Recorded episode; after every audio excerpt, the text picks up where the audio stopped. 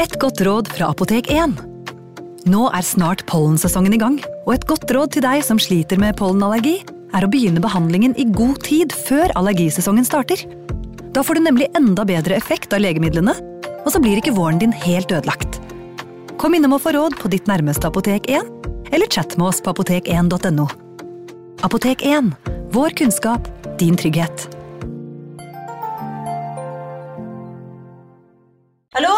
Jeg kommer fra Oslo politikammer. Ine Jansen er purk. Er du purk? The motherfucking bitch. Alt jeg vil, er å finne ut hva som skjedde med mannen min. Jon Carew. Er jeg sikta for noe? Iben Akeli. Det er du. Ole So, Lars Berrum og Big Daddy Karsten. Hvem sin side er du på, egentlig? Anette Hoff, Tone Danielsen, Kommer du fra Afrika? Jørnis Josef, Nesten kløfta. Trond Espen Seim, Det er synd å si det, men det var feil mann som døde. Purk. Premiere tirsdag på TV2 Play. Ungsamtalen fra DNB er økonomisk veiledning tilpasset deg som er ung. Bokk en ungsamtale på dnb.no. slash ung. Det er kjempebra hvis du skal inn på boligmarkedet, hvis det er drømmen din, liksom. Det er det du skulle sagt. Og så kunne du ropt litt mer, da, sånn som jeg gjorde. Bam! Advarsel. Denne podkasten inneholder skildringer av ekte drap og kriminalsaker som kan være støtende for enkelte. Det advares også mot sterke inntrykk i deler av episoden. I idylliske Vesterbotn ligger det lille småstedet Omsele. Dette er et landlig og rolig sted, omringet av vakker svensk fjell- og skogsnatur. Den 2. juli 1988 var en nydelig sommerdag. Til tross for at det egentlig var meldt regn og torden, hadde solen skint hele dagen. Ungdommene nøt den varme sommerkvelden og holdt seg ute til langt på natt. Det var ingen som forventet at omselle snart skulle bli rystet av tre brutale drap. I løpet av natten hadde to hagleskudd blitt avfyrt i nærheten av en kirkegård. På morgenkvisten ble Sten og Fredrik Nilsson funnet skutt på kloss hold og drept. Ikke langt unna ble også Eva Nilsson funnet. Hun hadde blitt slått i hjel med kolben av en hagle. I tillegg var strupen hennes kuttet over, og nakken og kroppen påført flere knivstikk. Snart begynte en kaotisk jakt etter drapspersonene. Dette er historien om mordene i Åmsele. Velkommen til True Crime Podden.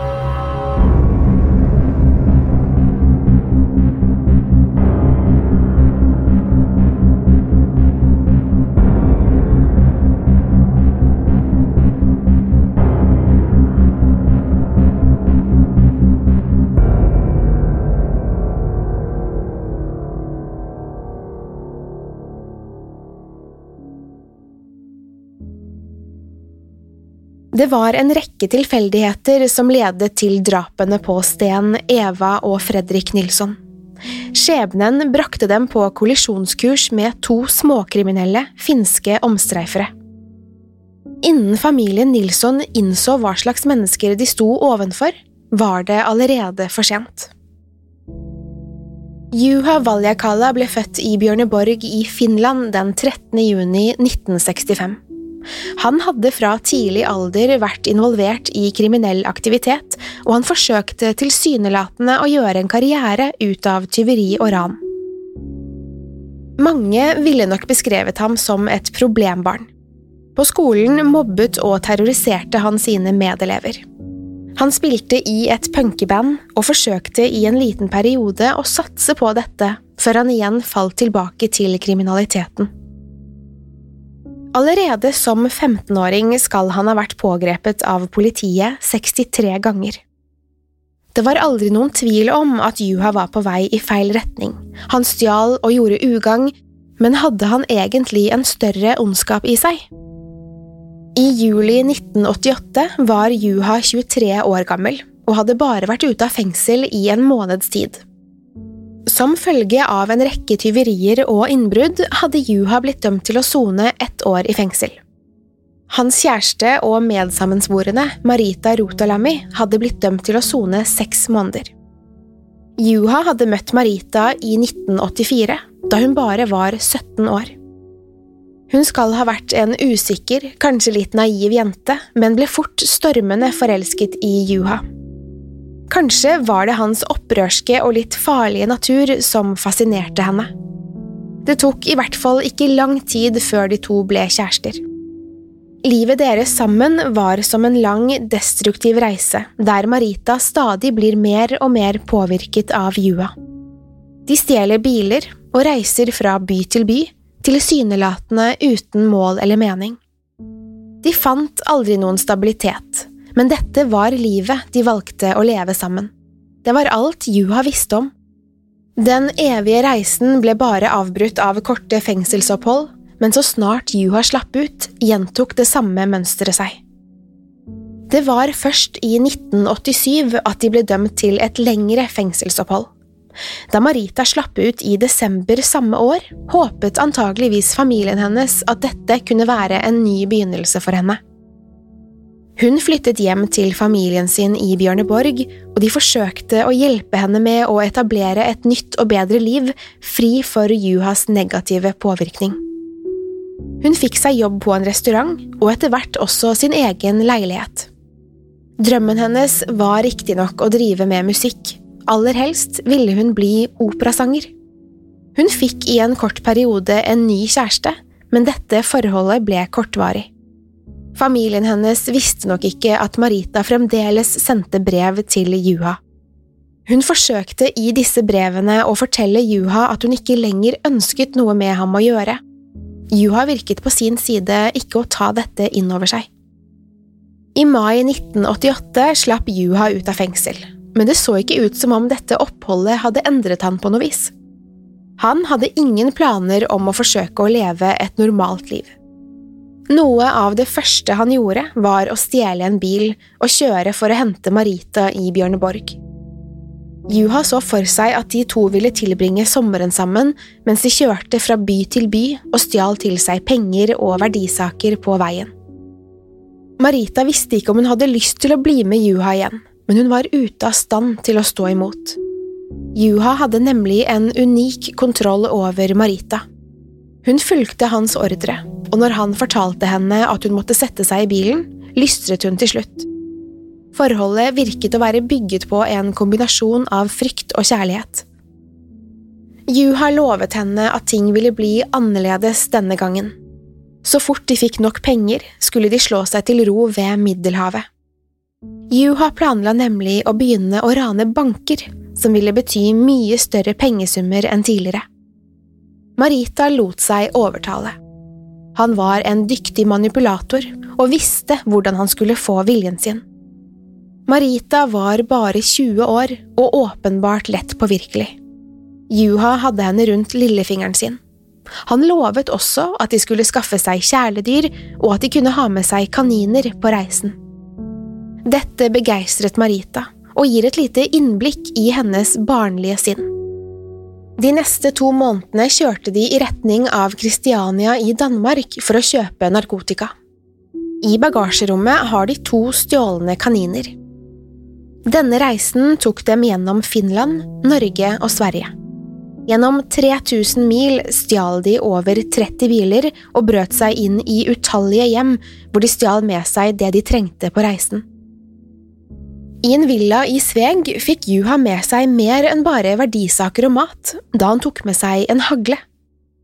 Han sagde av løpet og kolben for å gjøre den lettere å håndtere. Juha mente at denne ville bli nyttig i de kommende ranene han skulle gjennomføre. Neste stoppested på den kaotiske reisen mot Danmark var Omsele i Sverige. De hadde tatt seg hit i en Saab de hadde stjålet i Attery. De parkerte bilen ved en kirkegård, hvor de drakk likør og spiste potetgull. De bestemte seg etter hvert for å nyte den milde sommerkvelden, før de kjørte videre. Flere av innbyggerne var ute og festet, og Juha så på dette som en god anledning til å gjøre innbrudd. De lot kaninene bli igjen i bilen, men tar med seg bagen med utstyr. Det er Maritas ansvar å bære denne bagen, som inneholder hansker, brekkjern og skrutrekkere, i tillegg til den avsagde haglen. Juha og Marita vandrer rundt i Omselet og stjeler det de kommer over. De leter etter alt og ingenting, mat, penger, drikke, hva de enn måtte finne. Etter hvert blir det sent, og Juha foreslår at de tar seg tilbake til bilen. De er bare noen hundre meter unna kirkegården når han får øye på en damesykkel som står ulåst inntil en blå husvegg. Det var sjelden noe var låst i omcellet. Juha har satt seg på sykkelen og forteller Marita at hun skal sette seg på bagasjebrettet. Marita gjør som vanlig som hun blir fortalt. Plutselig banker det på ruta innenfra huset. Noen har oppdaget tyveriforsøket deres. Juha setter føttene på sykkelpedalene og begynner å sykle mot kirkegården. I det blå huset bor familien Olsson. Sven Olsson er en militærmann som har tjenestegjort i Gaza og Kongo. Han har ingen planer om å la dette tyveriet gå ustraffet. Sven bor i dette huset med kona Eva og deres to sønner, 15 år gamle Fredrik og 11 år gamle Anders. Juha og Marita sykler bortover veien, men innser snart at en bil følger etter dem. De skynder seg videre mot kirkegården i et forsøk på å riste av seg bilen. Når de kommer frem, forsøker de å gjemme seg for å unngå å bli konfrontert med tyveriet. Sven og Fredrik ankommer kirkegården og forstår at Juha og Marita gjemmer seg i nærheten.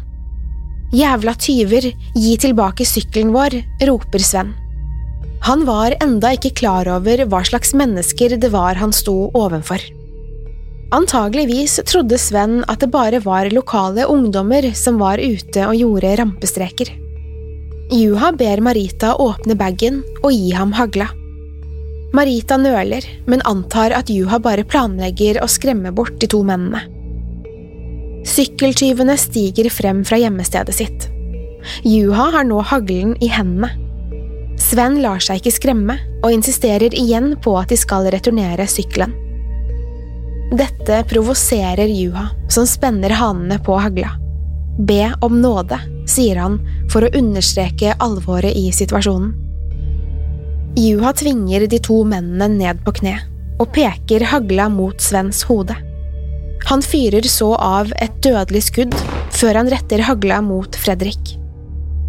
Fredrik forsøkte å trygle om nåde, men Juha nøler ikke.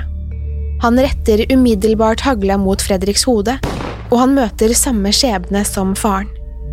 Begge skuddene avfyres på kloss hold, og både far og sønn dør momentant. Eva hørte skuddene fra kirkegården helt hjem, og ble raskt bekymret for Sven og sønnen. Hun satte seg på en sykkel og dro for å undersøke hva som hadde skjedd. Da hun ankom kirkegården, hadde Juha og Marita allerede satt seg i bilen og gjorde seg klare til å kjøre videre. Eva så ikke de to livløse kroppene som lå blant gravene. Hadde hun gjort det, kunne hun kanskje forstått den farlige situasjonen hun nå entret. Eva går rett bort til bilen og banker på ruta. Juha kaster et raskt blikk på henne, før han slår opp bildøren med så stor kraft at det skyver Eva over ende. Juha hiver seg over henne. Han overmanner henne, men Eva er sterkere enn han forutså. Hun kjemper tappert imot, og Juha trenger hjelp til å få kontroll over situasjonen. Juha ber nok en gang Marita om å rekke ham hagla.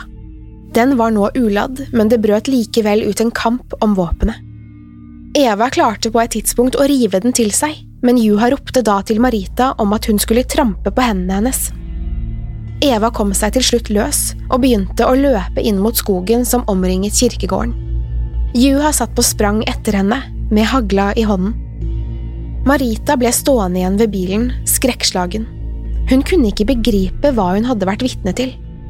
Dette var en side av Juha hun aldri hadde sett og ikke ante at eksisterte. Etter en liten stund kom Juha tilbake alene. Han ba Marita bli med ham inn i skogen. Det var noe han måtte vise henne. Fremdeles i sjokk, men lydig som alltid, fulgte Marita etter ham. På skogbunnen lå Eva livløs. Hodet hennes var slått inn med kolben til hagla. For å bevise at hun virkelig var død, skar Juha over Evas strupe, før han avsluttet med å hogge kniven inn i henne. Først langs kroppen, og deretter inn i nakken. Juha og Marita kjører av gårde i den stjålne bilen.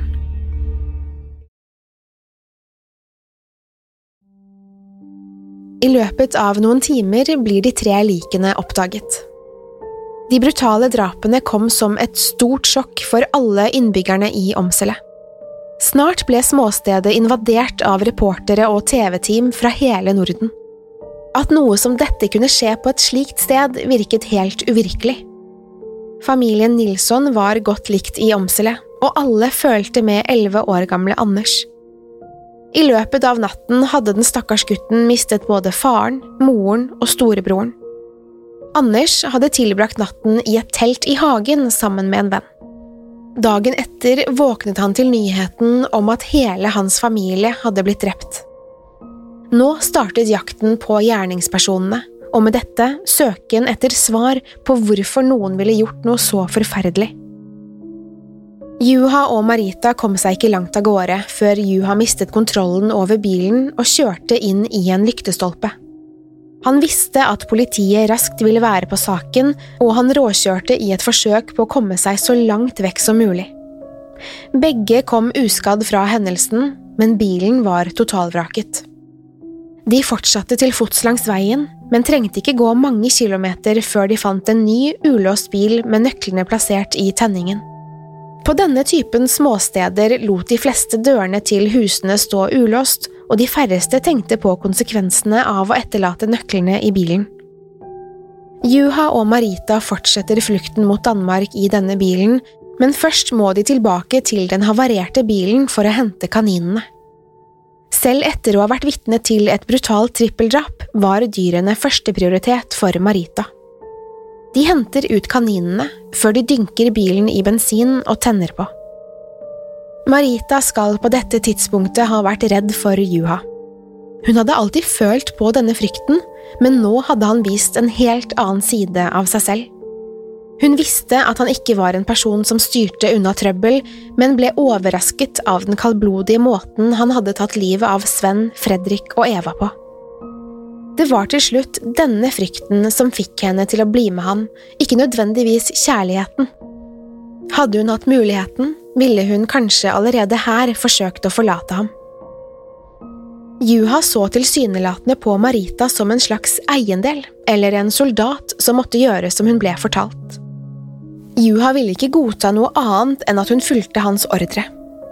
Juha hadde truet henne til å bli hos ham, først ved å antyde at han ville skade kaninene, og senere ved å komme med direkte trusler mot henne.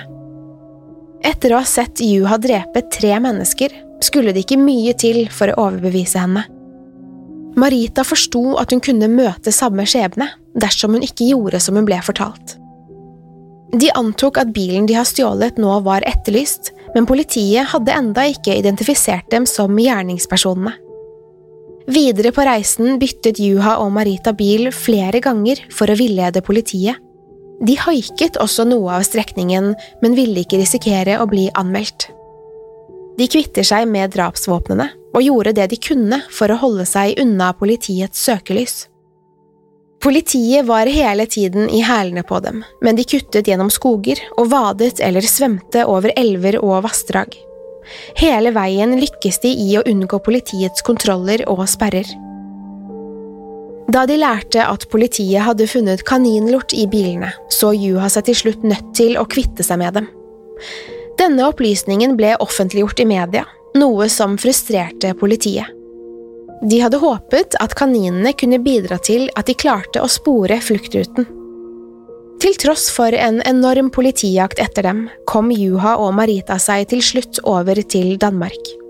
Det var mange vitner som hadde observert Juha og Marita i Omsele og i nærheten av kirkegården, og flere hadde også hørt at skuddene ble avfyrt. Det var riktignok ingen som hadde sett drapshandlingene. Juha var en kjenning av politiet, både i Finland og i Sverige. Vitnebeskrivelsene som ble innhentet, gjorde at han snart ble mistenkt i saken.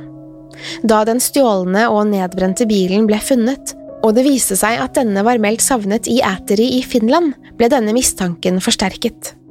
Snart ble Juha og Marita etterlyst over hele Norden, og ansiktene deres trykket i dansk presse.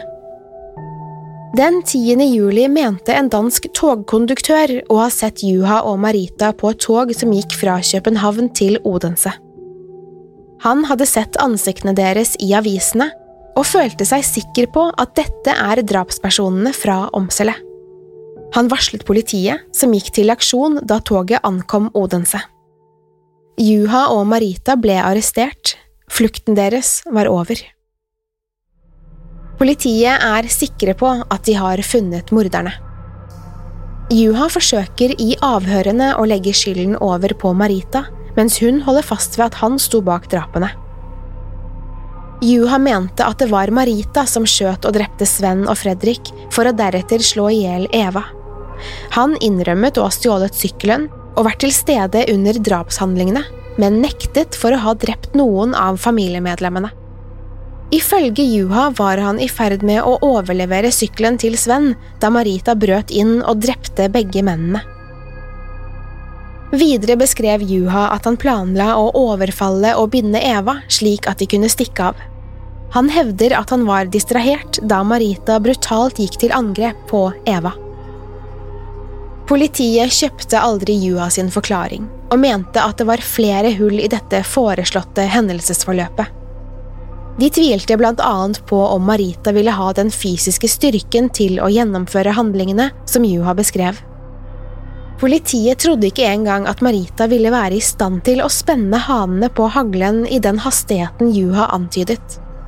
De var også skeptiske til om Marita hadde klart å kjøre kniven så dypt inn i Eva, noe som ville krevd rå kraft. Det var isteden Maritas forklaring politiet valgte å lene seg på. Hun innrømmet å ha holdt Eva nede og sparket hendene hennes så hun skulle slippe hagla.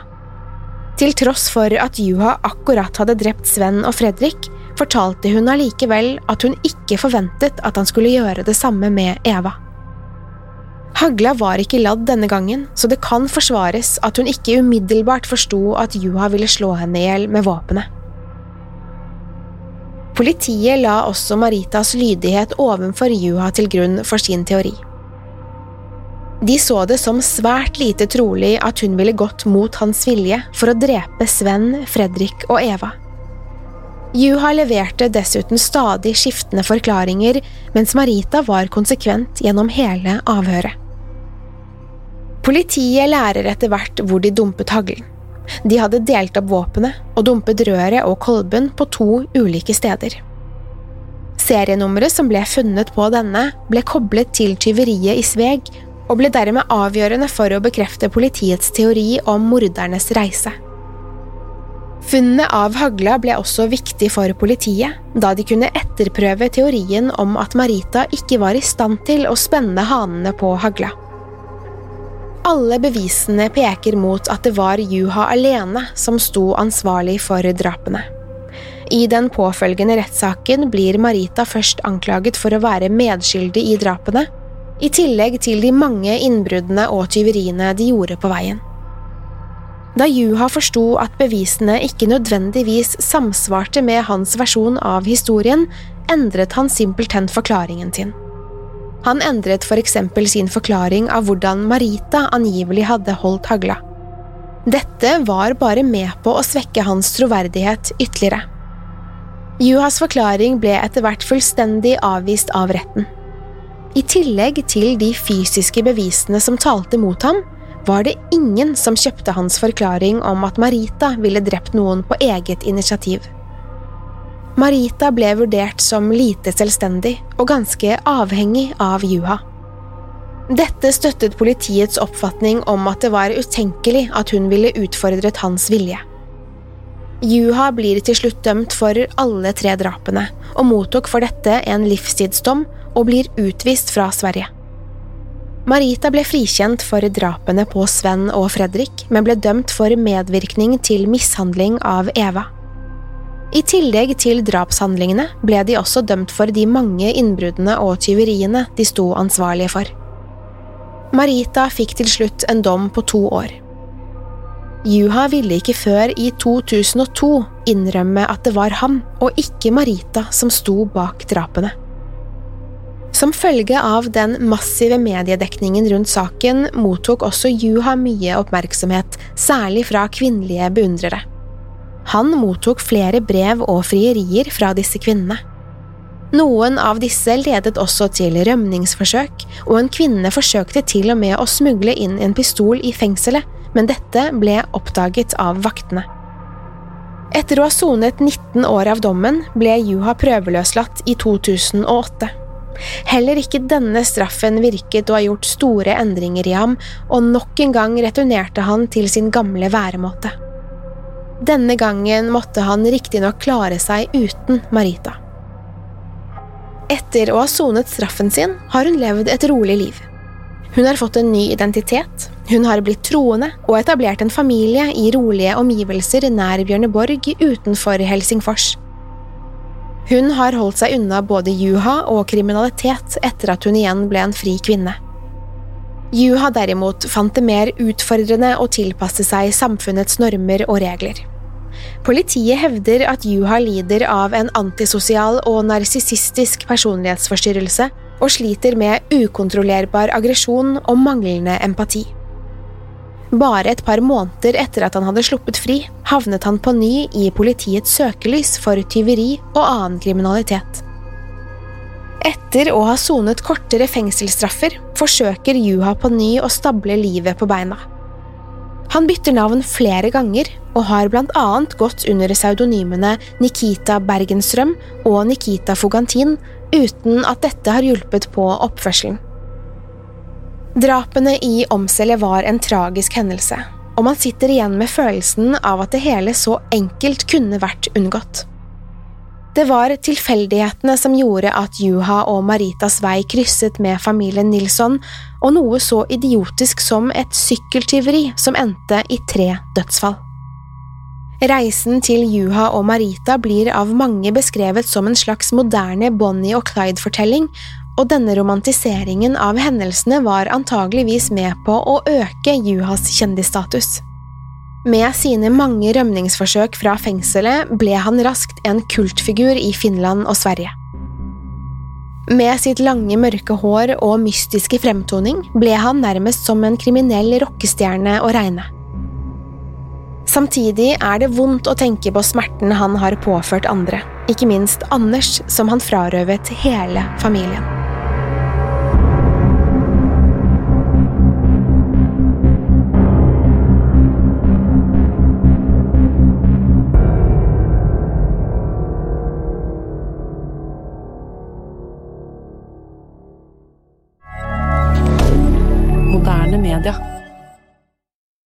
Har du et enkeltpersonforetak eller en liten bedrift?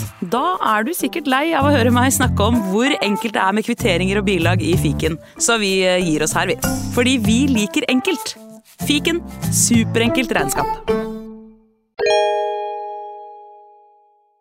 Hei! Takk for at du lytter til True Crime Podden. Skulle du ønske at du kunne høre en ny episode av denne podkasten hver eneste uke? Vel, da er det bare å laste ned podkastappen Untold med en gang. I tillegg til ukentlige episoder av podkaster som Skrekkpodden, Synderne og Henrettelsespodden, får du masse annet reklamefritt og eksklusivt innhold. Last ned Untold i AppStore eller Google Play, og start din 30 dagers prøveperiode i dag.